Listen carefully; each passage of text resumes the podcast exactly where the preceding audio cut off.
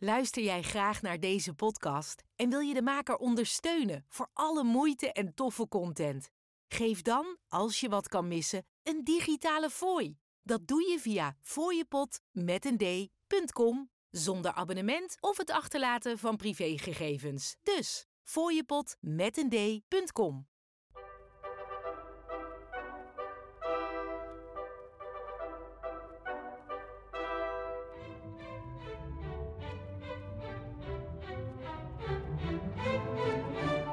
Hallo allemaal, welkom bij Geschiedenis met Sjaak, de podcast waarin ik, Sjaak, met jou de geschiedenis induik.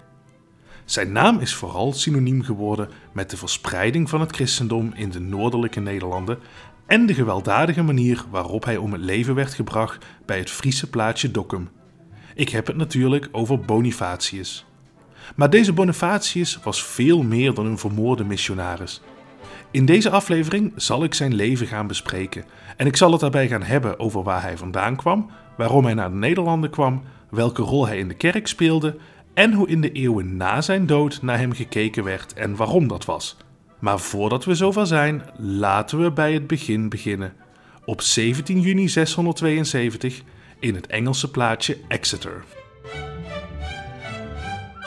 17 juni 672 is een uit de lucht gegrepen datum, als in het kan zijn dat Bonifatius op die dag geboren is, maar dat weten we in de verste verte niet zeker. Ook 675 wordt wel eens als geboortejaar genoemd. En waar hij geboren is, dat is eigenlijk ook onbekend. In een van de levensbeschrijvingen die na zijn dood uitkwamen, wordt Crediton, dat is een dorpje in Zuidwest-Engeland, genoemd. Maar die bewuste levensbeschrijving die dateert uit de 14e eeuw en dat is dus behoorlijk lang na zijn dood dus. Bonifatius zelf heeft ooit in een brief geschreven dat hij geboren was in de parochie van Londen, maar veel historici denken dat dit eerder metaforisch bedoeld was dan letterlijk. Oh, en even voor de duidelijkheid, bij zijn geboorte heette Bonifatius natuurlijk niet Bonifatius, maar Winfred. Ik zal hem gedurende deze aflevering voor het gemak wel gewoon de hele tijd Bonifatius noemen, maar hij heeft die naam dus pas op latere leeftijd gekregen. Wat dit betreft is er dus vooral heel veel onduidelijkheid, maar toch weten we in het algemeen redelijk wat van Bonifatius. En dat komt omdat er een behoorlijk aantal bronnen over hem is, waaronder een aantal levensbeschrijvingen of hagiografieën, waarvan de oudste al enkele jaren na zijn dood geschreven is. Dat wil overigens niet meteen zeggen dat de daarin gegeven informatie ook per se klopt, maar goed, daarover kom ik later uh, nog wel even te spreken. Dat Bonifatius geboren is in wat nu Groot-Brittannië is, dat staat wel vast. En om precies te zijn, in dat deel van het eiland dat op dat moment in handen was van de Angelsaksen.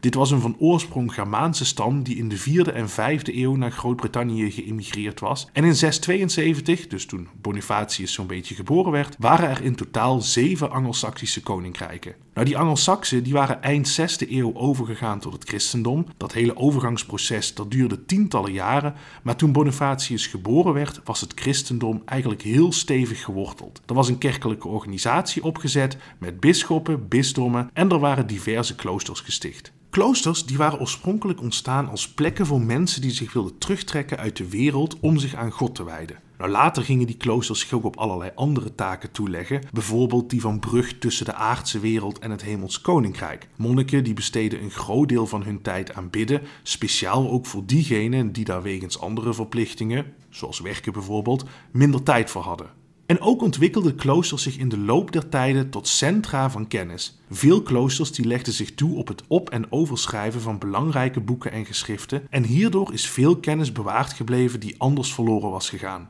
Als laatste was ook het opleiden van een nieuwe generatie geestelijke een kerntaak van een klooster. En in een maatschappij waarin het overgrote deel van de mensen niet kon lezen of schrijven, was de kennis en kunde die de kloosters bezaten van enorm maatschappelijk belang. Ook bijvoorbeeld voor koningen of vorsten, want die konden in veel gevallen zelf ook niet lezen of schrijven. De jonge Bonifatius was een van de vele kinderen in die tijd die aan het klooster werd gegeven, en om precies te zijn aan het klooster in Exeter. In Exeter leerde Bonifatius de beginselen van lezen, schrijven, zingen en bidden, en uiteraard allemaal in het Latijn, want dat was natuurlijk de taal van de kerk. Al snel bleek dat hij een goede leerling was en hij werd voor verder onderwijs naar een ander klooster gestuurd dat lag bij Nursling en dat ligt aan de Britse zuidkust. Daar werd hij uiteindelijk op zijn dertigste gewijd tot monnik en tegelijkertijd benoemd tot leider van de kloosterschool in Nursling. In die rol ontwikkelde hij zich tot een echte geleerde. Hij las veel, maar hij schreef zelf ook over allerlei onderwerpen, van de grammatica van Latijn tot wiskundige metriek en van gedichten tot preken. Boeken die speelden een heel grote rol in het leven van Bonifatius en dat zou zo, vrij letterlijk, tot zijn dood zo blijven, maar daarover later meer.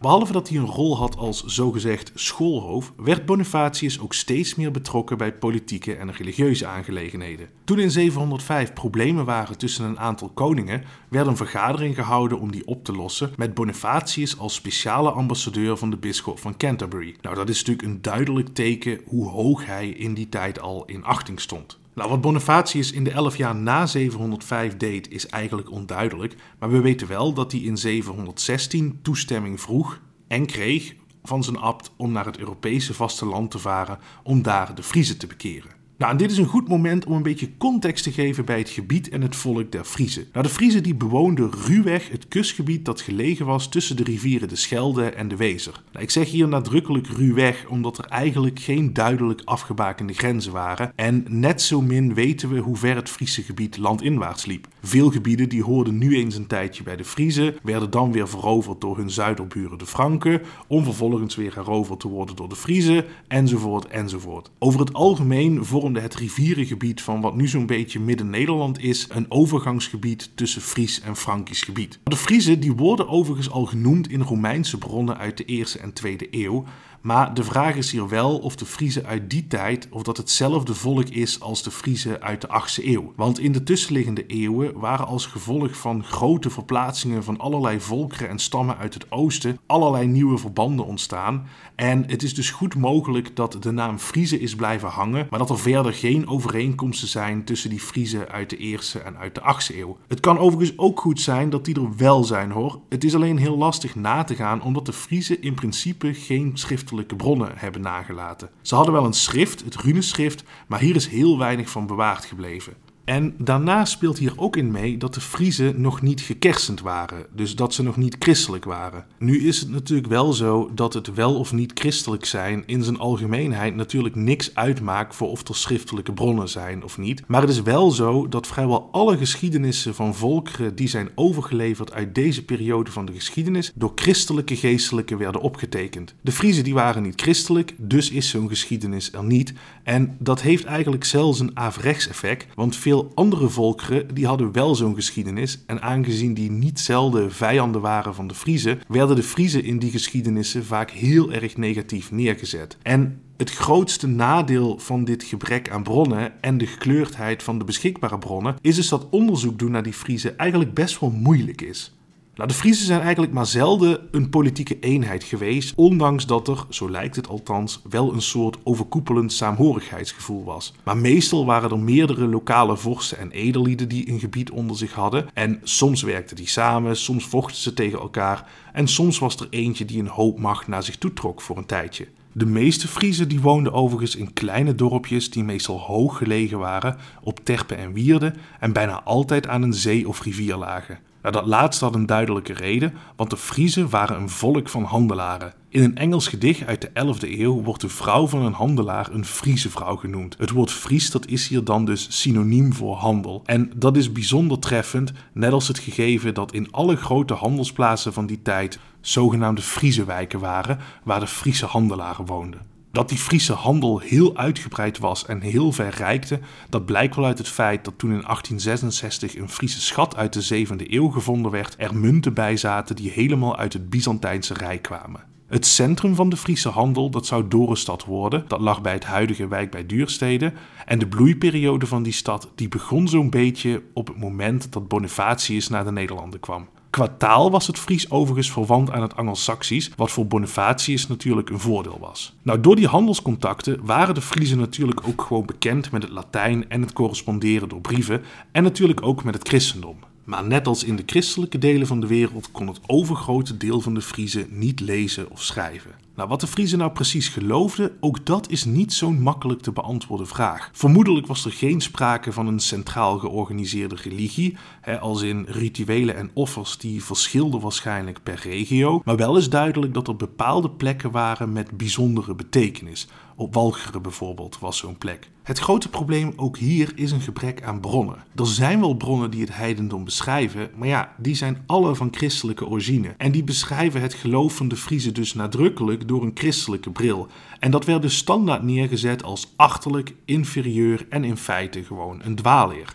En daarbij hadden die christelijke schrijvers echt niet tot doel om alles zorgvuldig en waarheidsgetrouw weer te geven. Meestal werd in zo'n verhaal alles op één hoop gegooid en soms werden er zelfs allerlei elementen toegevoegd. In een van Bonifatius' hagiografieën bijvoorbeeld, daar spelen allerlei saters en faunen een rol. Dat zijn wezens die voorkomen in de mythologie van de Grieken en de Romeinen. Die waren heel bekend bij de monniken die de hagiografieën opstelden en die dus bekend waren met Latijn en de Romeinse teksten, maar natuurlijk hebben dit soort mythische figuren helemaal niks te maken met het geloof van bijvoorbeeld de Friese. Nou, even tussendoor. Door dit alles is in de loop der tijden überhaupt een soort beeld ontstaan van het heidendom. In enkelvoud bedoel ik dat dan, alsof dat een soort overkoepelende en uniforme eenheid was, waarbij het geloof van de Germanen uit de eerste eeuw hetzelfde was als, ik noem maar wat, de Friese uit de zevende eeuw of de Noormannen uit de elfde eeuw. Nou, dat is zeker niet onmogelijk, maar het is wel extreem onwaarschijnlijk.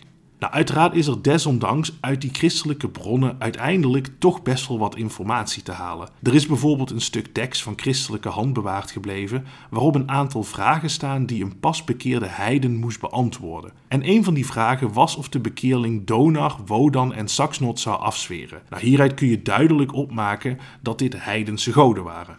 Maar goed, even terug naar Bonifatius. Nadat hij was aangekomen in Dorenstad, zette hij koers naar het iets noordelijker gelegen Utrecht. Utrecht was op dat moment in feite de vers vooruitgeschoven bos van het christendom. Dat geloof had zich in de loop der eeuwen met name verspreid over wat ruwweg het oude Romeinse Rijk was. Er waren eigenlijk maar enkele gebieden hier buiten gekerstend, een voorbeeld hiervan is Ierland, maar bijvoorbeeld de Germaanse gebieden ten oosten van de Rijn, die waren nog nauwelijks christelijk. Op Instagram en Facebook vind je een kaartje met de verspreiding van het christendom rond deze tijd.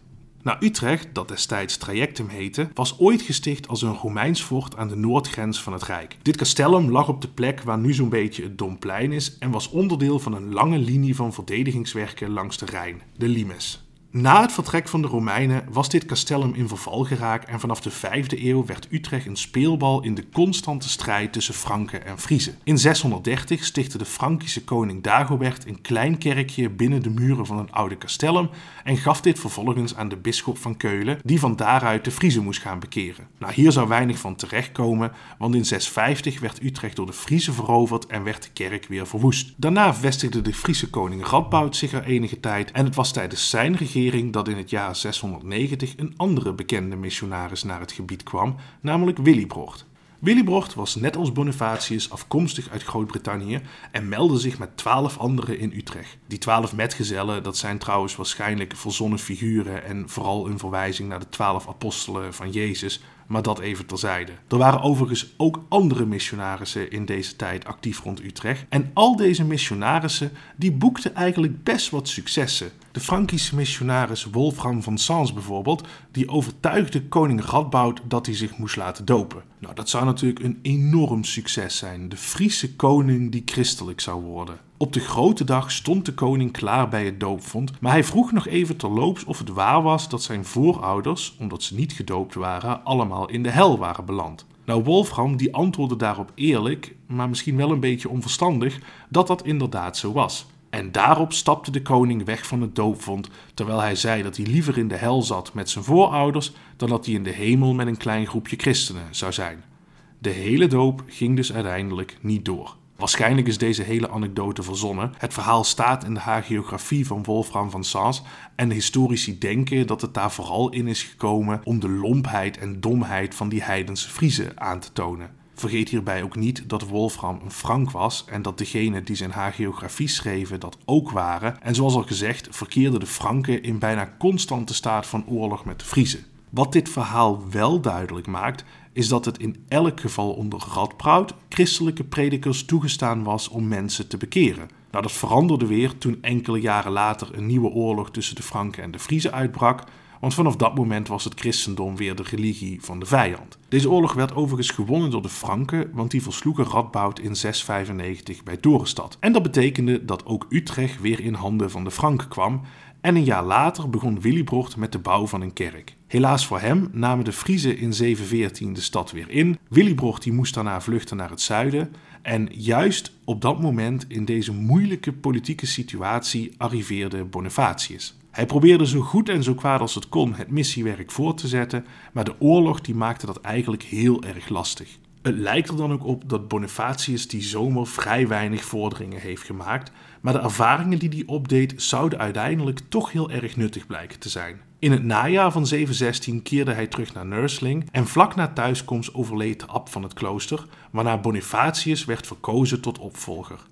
Hij zelf had echter heel andere plannen. Hij verzocht de bisschop om zijn benoeming ongedaan te maken en hem toestemming te geven om naar Rome te reizen. Want daar wilde hij de paus spreken en hem zijn ideeën vertellen over de uitbreiding en organisatie van de kerk in de Germaanse gebieden. Het is goed om te weten dat de paus in deze tijd nog niet de machtige figuur was die hij later zou worden, zoals bijvoorbeeld Innocentius III in de aflevering over de kinderkruistocht. Toen Bonifatius uiteindelijk in 718 aankwam in Rome, was Gregorius II de paus van dienst. Met hem ging Bonifatius in gesprek en uiteindelijk kreeg hij in het voorjaar van 719 de opdracht om naar Germanië te reizen. Dat was zo ongeveer het gebied ten oosten van de Rijn. Ook hier is geen sprake van duidelijke grenzen overigens, maar Bonifatius kreeg in elk geval als opdracht om een rapport op te stellen over de Germaanse volkeren ten oosten van de Rijn en in hoeverre die volgens hem bekeerd konden worden. En indien hij de kans daarop reëel achtte, mocht hij een missiepost opzetten. Om hem te helpen kreeg hij een aantal reliquieën mee van de paus. En het is op dit moment dat Bonifatius daadwerkelijk Bonifatius werd, want die naam kreeg hij van de paus.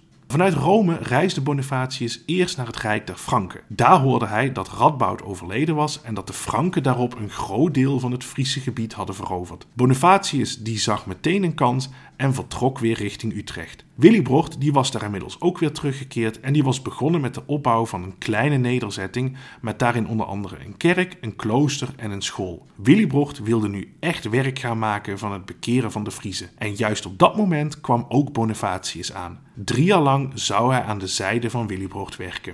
Je zou misschien denken dat die beide missionarissen het goed met elkaar konden vinden, maar dat viel eigenlijk wel mee, zonder daarmee te zeggen dat ze elkaar niet mochten of zo. Maar Willibrocht en Bonifatius hadden heel andere ideeën over hoe het christendom te verspreiden. Willibrocht die behoorde tot de Ierse variant van het christendom, waarin veel nadruk lag op het gesproken woord, mystiek en spiritualiteit. Bonifatius vond juist dat de formaliteiten zoals die door de paus in Rome en in het kerkelijk recht vastgelegd waren, leidend moesten zijn. En daarnaast ontstond er schijnbaar verdere verwijdering tussen beiden toen Willibrocht aan Bonifatius de bisschopstitel aanbood. Bonifatius die weigerde dit omdat hij ten eerste nog geen 50 was en dat was de leeftijd waarop iemand volgens de regel bisschop kon worden. En bovendien wilde hij niet dat deze benoeming tot stand kwam zonder de paus in te lichten. Zoals net al gezegd, Bonifatius hechtte heel erg aan het geldende kerkrecht. In 721 vertrok Bonifatius weer uit Utrecht en pas tegen het einde van zijn leven zou hij er weer terugkeren. In de drie jaar dat hij er geweest was, had hij opnieuw veel geleerd over de wijze waarop volgens hem de kerk en de kerstening van ongelovigen georganiseerd moest worden. Hij was daarbij bijvoorbeeld tot de conclusie gekomen dat het absoluut noodzakelijk was om een centraal punt op te zetten in een gebied om van daaruit het missiewerk te organiseren. Willy Brocht bijvoorbeeld had van Utrecht een frontstad in de strijd tegen het heidendom gemaakt. En vanuit Utrecht kon het kersenen van de Friezen worden gecoördineerd. En bovendien, dankzij het door Willy Brocht gebouwde klooster en de kloosterschool, konden nieuwe geestelijken worden opgeleid en was het een plek waar missionarissen zich konden terugtrekken. Het stichten van kloosters zou dan ook een tweede speerpunt moeten worden volgens Bonifatius. En die kloosters die moesten dan gebouwd worden in de pas gekersende of slechts gedeeltelijk gekersende gebieden. Hierdoor zouden er eilandjes van christendom ontstaan die een inspirerende werking op de plaatselijke bevolking zouden hebben, waar een nieuwe generatie geestelijke kon worden opgeleid en van waaruit gecontroleerd kon worden of mensen zich hielden aan de christelijke regels. Dat laatste was namelijk best een probleem, want iemand kon wel zeggen dat hij of zij christelijk was en gedoopt zijn, maar zich gedragen erna, dat was toch iets heel anders. Ten derde concludeerde Bonifatius dat kerstening alleen werkte wanneer er samengewerkt werd met de wereldlijke autoriteiten. Het was onmogelijk om een missiepost zoals in Utrecht te handhaven zonder Frankische bescherming, bijvoorbeeld. En als laatste was Bonifatius ervan overtuigd geraakt dat kerstening moest gebeuren van boven naar beneden, dus top-down. Als de leiders van een volk christelijk werden, dan zou de rest vanzelf volgen. Nou, op zichzelf was dit verder geen baanbrekend idee. Met de Angelsaksische vorsten was het bijvoorbeeld precies hetzelfde gegaan. Van beneden naar boven werken, dat had vaak juist een averechts effect. Want de meeste vorsten die hadden helemaal geen behoefte aan religieuze tweespalt in hun rijk en pakten de veroorzakers daarvan daarom vaak heel erg hard aan. Bonifatius die reisde naar het tegenwoordige Saxe, waar de kerstening nog nauwelijks op gang was gekomen. En daar aangekomen wilde hij daar meteen mee beginnen, maar kwam al snel tot de conclusie dat er rechtstechnische problemen waren. Hij had bijvoorbeeld geen toestemming om priesters te wijden en er was bovendien ook nog geen bisschop in het gebied benoemd. Nogmaals, Bonifatius hechtte zeer aan het volgen van de vastgelegde kerkelijke regels en procedures, dus hij wilde eerst met de paus overleggen en niet op eigen houtje allerlei dingen gaan doen. Hij stuurde een brief, maar hij werd uiteindelijk zelf naar Rome geroepen en daar aangekomen werd hij door de paus gewijd tot bisschop. Daarmee kon hij nu zelf priesters benoemen en had hij de autoriteit om de kerk in nieuwe of pas deels gekersende gebieden te organiseren. De gelofte die hij bij zijn wijding heeft afgelegd, die is trouwens bewaard gebleven. En hij belooft daarin onder andere dat hij zou ingrijpen wanneer andere bisschoppen zich niet hielden aan de regels van de kerk. En de paus gaf hem bovendien het recht om namens de paus in te grijpen wanneer er sprake was van wanbeleid door bisschoppen. Nou, hierna keerde Bonifatius weer terug naar het noorden, maar niet voordat hij eerst even langs was geweest bij de Frankische hofmeier Karel Martel en zich verzekerd had van zijn steun. Die Karel Martel was overigens niet de koning van de Franken, maar al enige tijd waren de Frankische koningen vooral ceremonieel. De hofmeijers, dat waren zo'n beetje de hoogste ambtenaren, die hadden het echt voor het zeggen. Nou, uiteindelijk zorgde Bonifatius er zo voor dat hij aan alle kanten gedekt was. De paus had hem juridische legitimatie gegeven en de Frankische hofmeier militaire. Tussen 723 en 753 werkte Bonifatius keihard aan het organiseren en uitbreiden van de christelijke kerk in de Germaanse gebieden. Het bekendste verhaal uit deze periode is zonder twijfel het omhakken van de Donareik in Geismar, tegenwoordig gelegen in de Duitse deelstaat Hessen. Die Donareik dat was een grote boom die, de naam zegt het al, gewijd was aan de god Donar. Bonifatius die wilde met het omhakken ervan laten zien dat de Germaanse goden machteloos waren. De aanwezige heidenen die verwachten dat Donar wraak zou nemen op Bonifatius, maar er gebeurde natuurlijk helemaal niks. En dus werden ze spontaan christen. Het hout van de boom werd gebruikt om een klein kerkje te bouwen. Het omhakken van die boom is zoals gezegd een van de bekendste verhalen over Bonifatius. En of het echt gebeurd is, dat valt niet na te gaan natuurlijk. Op zichzelf was het vernielen van heidense heiligdommen niks bijzonders. Willibrord bijvoorbeeld en ook allerlei andere missionarissen die deden dit ook. Maar wat wel opvallend is, dat is de passiviteit van de aanwezige heidense Germanen. Nou, een mogelijke verklaring hiervoor die is af te leiden uit de eerste hagiografie over Bonifatius. Want daarin staat dat hij een aantal broeders bij zich had. Dus dus dat zijn dan medemissionarissen, maar ook tussen aanhalingstekens dienaren.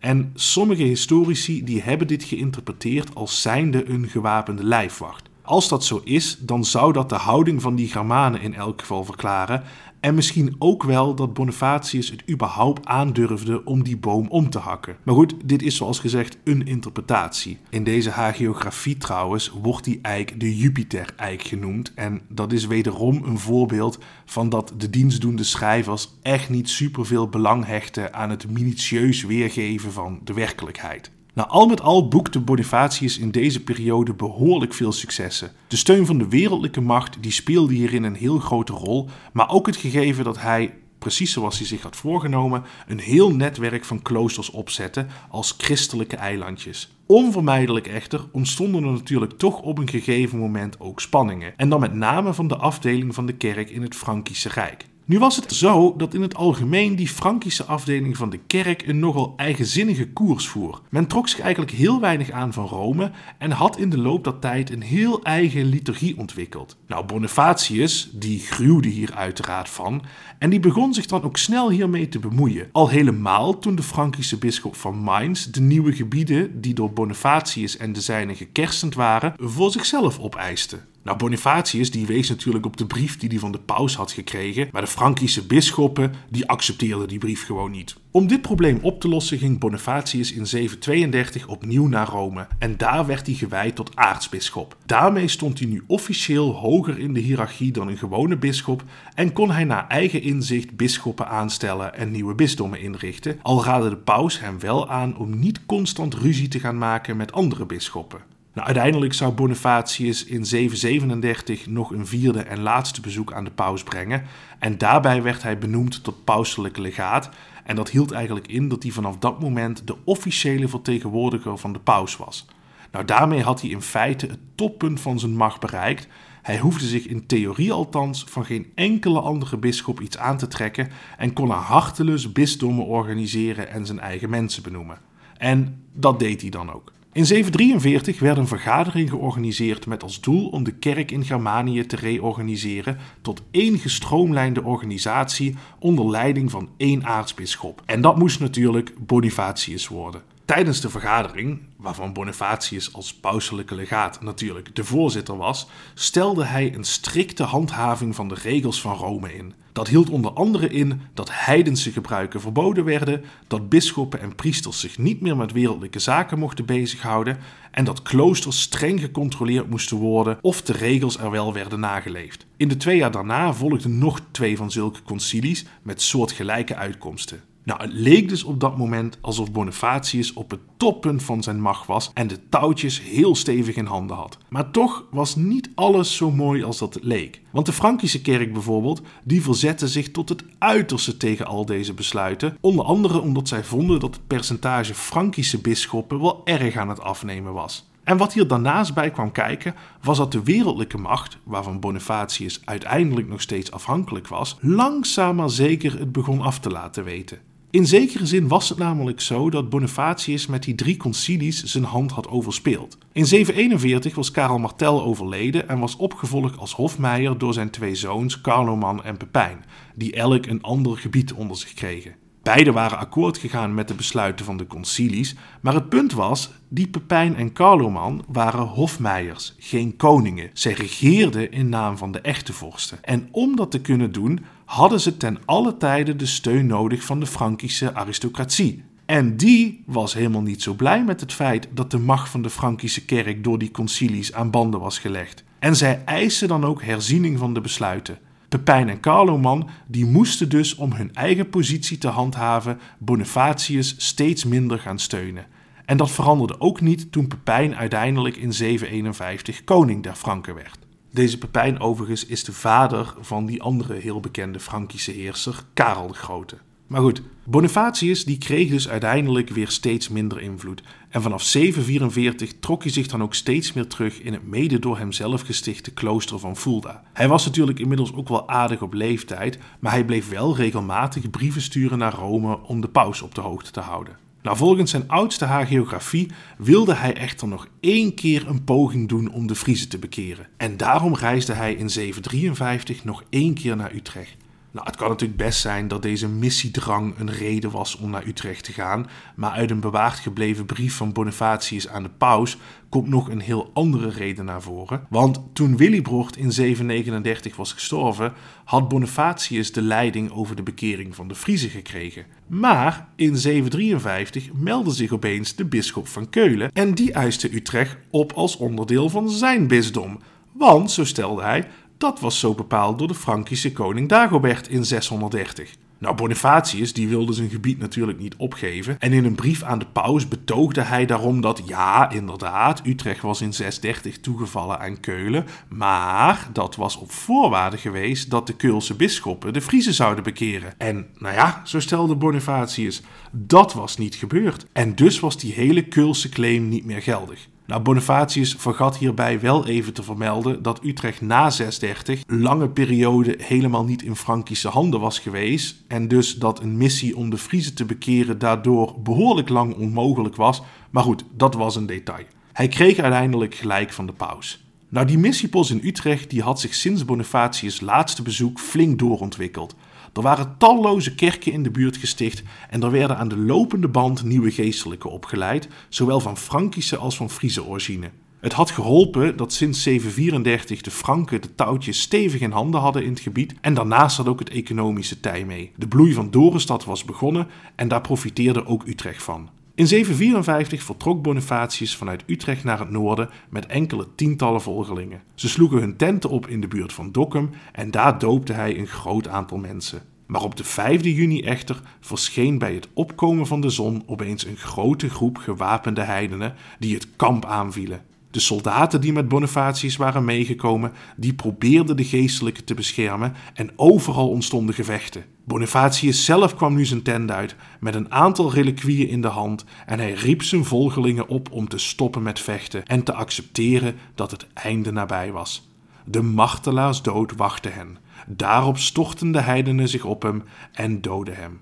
Nou, opmerkelijk genoeg staat in een hagiografie uit de 10e eeuw dat Bonifatius zichzelf nog een tijdje wist te beschermen door de zwaardslagen van degene die hem aanvielen af te weren met een boek. Nou, deze anekdote is natuurlijk op geen enkele wijze te rijmen met Bonifatius die zijn volgelingen oproept dat ze rustig hun lot moeten accepteren en dood moeten gaan, maar het heeft wel veel invloed gehad, want dat doorboorde boek dat werd namelijk een van de attributen van Bonifatius toen deze eenmaal heilig was verklaard. Als je een religieuze afbeelding ziet en je ziet daar een heilige op staan met een boek waar een zwaard doorheen steekt, dan ben je waarschijnlijk naar Bonifatius aan het kijken. Alleen is het dus heel twijfelachtig of dit echt gebeurd is. Het lijkt eerder een soort toevoeging te zijn van twee eeuwen later. Maar goed, na de slagpartij plunderden de heidenen het kamp. Ze vonden natuurlijk niet veel van waarde, behalve wat boeken, maar die gooiden ze maar gewoon weg, want ja, heidenen die schatten dat soort dingen natuurlijk niet op waarde. Na afloop zouden ze een feestmaal hebben gehouden en de broden die ze daarbij wilden eten, die werden echter ter plekke in steen veranderd. Zo strafte God hen voor hun daden. Een van die versteende broden die kun je nog steeds zien in een kerk in Dokkum. Los van deze goddelijke straf zou het met de moordenaars sowieso slecht aflopen, want toen de Franken hoorden wat er gebeurd was, stuurden ze een strafexpeditie naar het gebied. De daders werden opgespoord en werden gedood. De overgebleven heidenen in het gebied die waren hier zo van onder de indruk dat ze zich daarna acuut tot het christendom bekeerden en zo had Bonifatius uiteindelijk toch zijn missie volbracht. Bonifatius' lichaam werd eerst naar Utrecht gebracht, maar al snel werd het opgeëist door de bisschop van Mainz, want die vond dat Bonifatius begraven moest worden in Fulda, omdat hij daar lang had gewoond en het klooster mede zelf gesticht had. En daarnaast lag Fulda toevallig ook in het gebied van het bisdom Mainz. Nou, in eerste instantie weigerde men in Utrecht om Bonifatius af te geven, maar toen schijnbaar zomaar uit het niets de kerkklok begon te luiden, vatten zij dit op als een teken van God. Bonifatius werd dan ook naar Fulda gebracht en zijn graf is daar tot op de dag van vandaag te bekijken in de Domaldaar. In Fulda zijn ook de boeken te bezichtigen die hij bij zich zou hebben gehad toen hij stierf, inclusief het boek dat hij boven zijn hoofd hield om de zwaardslagen af te weren. Of dit ook echt die boeken zijn, is natuurlijk niet na te gaan, maar ze zijn er wel oud genoeg voor, zo is uit onderzoek gebleken. Op de plek waar de moord had plaatsgevonden werd een grote heuvel opgericht waar een kerk en klooster zouden zijn gebouwd. De bewoners daarvan die hadden helaas geen toegang tot zoet water, maar door een wonder echter ontstond er spontaan een bron. Deze werd dan ook de Bonifatiusbron genoemd en die kun je nog steeds bezoeken in Dokkum, al is onduidelijk of wat tegenwoordig als Bonifatiusbron wordt aangeduid dat dat ook de oorspronkelijke is. Tussen Fulda en Utrecht bestond jarenlang een zekere rivaliteit om wie de nalatenschap van Bonifatius mocht claimen. Dat was belangrijk, want al snel na zijn dood werd hij heilig verklaard en op veel plekken vereerd. Geassocieerd worden met Bonifatius kon dus veel voordelen bieden. Die rivaliteit tussen beide steden is ook terug te zien in de bronnen. Een eerste hagiografie die werd zoals al gezegd enkele jaren na Bonifatius' dood opgesteld en dat gebeurde in opdracht van de bisschop van Mainz. En dus speelt in die hagiografie met name dat deel van Bonifatius' leven dat zich afspeelde in die gebieden een grote rol. Het doel was namelijk mede om aan te tonen dat Bonifatius toch echt gelinkt moest worden aan Fulda. Twee latere hagiografieën die zijn geschreven in Utrecht, want voor Utrecht was Bonifatius de eerste tussen aanhalingstekens martelaar, oftewel iemand die in het eigen gebied omwille van het geloof was gedood.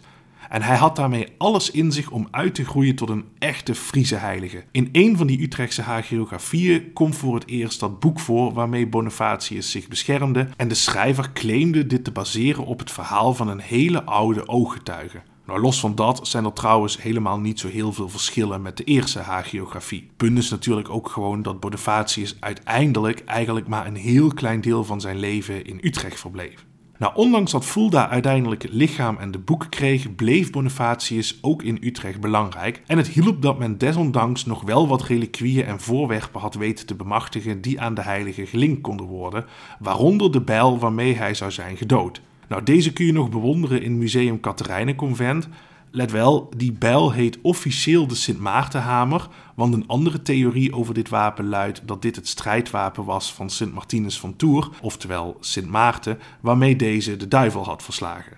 Wat betreft die andere belangrijke plek in het verhaal, Dokkum, daar is dus nog steeds de Bonifatiusbron en een van de Bonifatiusbroden. In Dokkum zelf zou in de 9e eeuw een kerkje en een klooster hebben gestaan, maar omdat het gebied nog lang niet definitief gekersend was, kwam de verering eigenlijk helemaal niet zo heel erg van de grond. Wel wordt in middeleeuwse bronnen gesproken van wonderen bij het heiligdom van Bonifatius. Nou, dat duidt er wel op dat er een soort cultus ter plekke was. Begin 16e eeuw werden ook schijnbaar jaarlijks reliquieën getoond, waaronder een koorkap die van Bonifatius zou zijn geweest al is later aangetoond dat deze uit de 12e eeuw kwam. Na de Reformatie werd het gebied protestants en er was vanaf dat moment geen aandacht meer voor Bonifatius. En pas in de 19e eeuw zou de verering van hem weer opkomen toen de Bonifatiusbron zou zijn herontdekt. In de 20e eeuw werd er een kerk gebouwd en kwam er een speciaal processiepark. In de stad zelf is dus nog een kerk met een Bonifatiuskapel, waarin onder andere een stukje van zijn schedel zou worden bewaard, want die zou men gekregen hebben van Fulda. Of dat ook klopt is twijfelachtig, want in Fulda heeft men gewoon de volledige schedel liggen.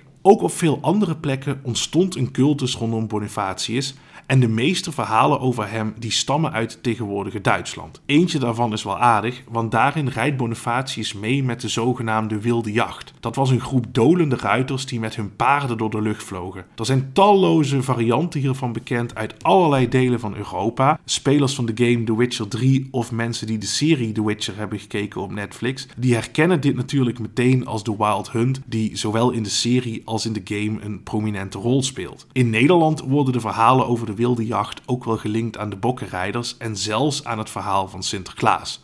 Maar goed, dat even terzijde. Bonifatius die zou dus met hun meerijden, maar deed dat natuurlijk wel met goede intenties. Hij wilde hun namelijk bekeren tot het christendom.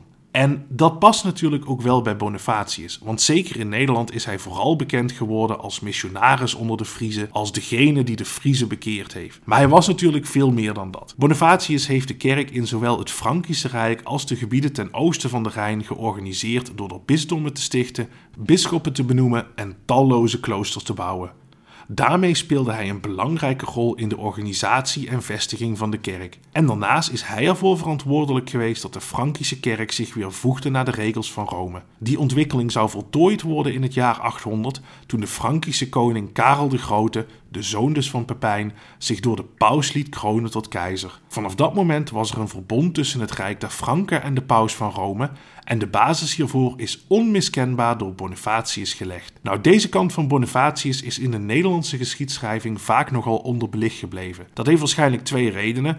Om te beginnen omdat dit deel van het werk van Bonifatius zich voornamelijk afspeelde in het huidige Duitsland en Frankrijk en dus niet in Nederland. En daarnaast kwamen missionarissen als Willibrord en Bonifatius na de opkomst van het protestantisme simpelweg in een kwaad daglicht te staan. Voor fanatieke protestanten waren dit soort katholieke geestelijke en de cultussen die rondom hun figuur ontstaan waren simpelweg duivels.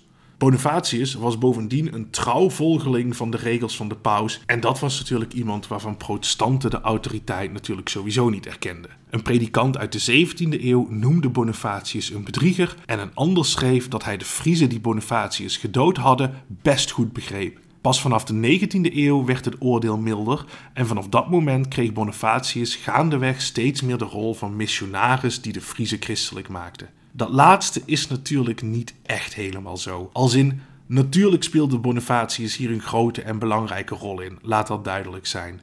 Maar een kersteningsproces dat duurde vaak heel erg lang en was enorm gecompliceerd. In de loop der eeuwen is een beetje het idee ontstaan dat zo'n kersening soms best een lang proces was, ja, maar dat als het eenmaal op gang was, het vaak poef zo gebeurd was. Het is natuurlijk niet heel gek dat dit alles zo gepresenteerd werd. Hè? Dat het christelijk worden van heidenen, dat dat eigenlijk een soort onvermijdelijke triomf was. Maar de werkelijkheid die was niet zo. Want vaak duurde het tientallen jaren en soms zelfs wel meer dan een eeuw eer een hele bevolkingsgroep was overgegaan tot het christendom. En het idee dat Bonifatius de Friese gekersend heeft, dat is dan ook onzin. Er waren missionarissen voor hem en missionarissen na hem. En sowieso zou het christendom nog eeuwenlang onder druk staan in de noordelijke Nederlanden. Zeker toen in de 9e en 10e eeuw de aanvallen van de vikingen begonnen. Want die vikingen die vestigden zich namelijk ook in de gebieden van de Friezen. En die brachten daarbij hun eigen geloof mee, waardoor het christendom juist weer terrein verloor. Pas in de 11e eeuw vond een tweede kersteningsgolf plaats die was blijvend en pas vanaf dat moment kun je echt zeggen dat de gebieden van de Friezen definitief christelijk waren. Maar dat is iets voor een andere keer. Mocht je nou meer van dit onderwerp willen weten, ik heb voor deze aflevering veel gehad aan het boekje 754 Bonifatius bij Dokkum vermoord van Marco Mostert, waarin heel compact, maar toch ook bijzonder gedetailleerd het verhaal van Bonifatius wordt verteld. Los van dit alles vind je op Facebook en Instagram wat plaatjes ter ondersteuning van hetgeen ik in deze aflevering verteld heb en een link naar beide pagina's vind je in de show notes. Daarnaast vind je Geschiedenis met Sjaak een leuke podcast. Geef me dan een 5 sterren rating. En wil je de show steunen, dan kan dat via fooiepot.com forward slash geschiedenis met Sjaak. Fooiepot met een D. Via Fooiepot kun je geheel vrijblijvend een donatie doen, waarbij je zelf mag bepalen hoe groot of klein die is, maar die in alle gevallen enorm gewaardeerd wordt door mij. Dit kan dus via fooiepot.com forward slash geschiedenis met Sjaak. En je vindt ook hiervan een link in de show notes. Heb je vragen of opmerkingen of heb je een suggestie voor een onderwerp? Stuur me dan een DM'tje via Facebook of Insta of mail naar geschiedenismetsjaak.outlook.com. Gewoon aan elkaar geschreven geschiedenismetsjaak.outlook.com. Goed, daarmee zijn we aan het einde gekomen van deze aflevering. Heel veel dank voor het luisteren en volgende keer staat de vrouw centraal wiens imago zo slecht was dat het naar het schijnt bijdroeg aan het ontstaan van een revolutie en die ook meer dan twee eeuwen na haar dood nog steeds gezien wordt als de ultieme bimbo. Tot dan en nogmaals dank voor het luisteren.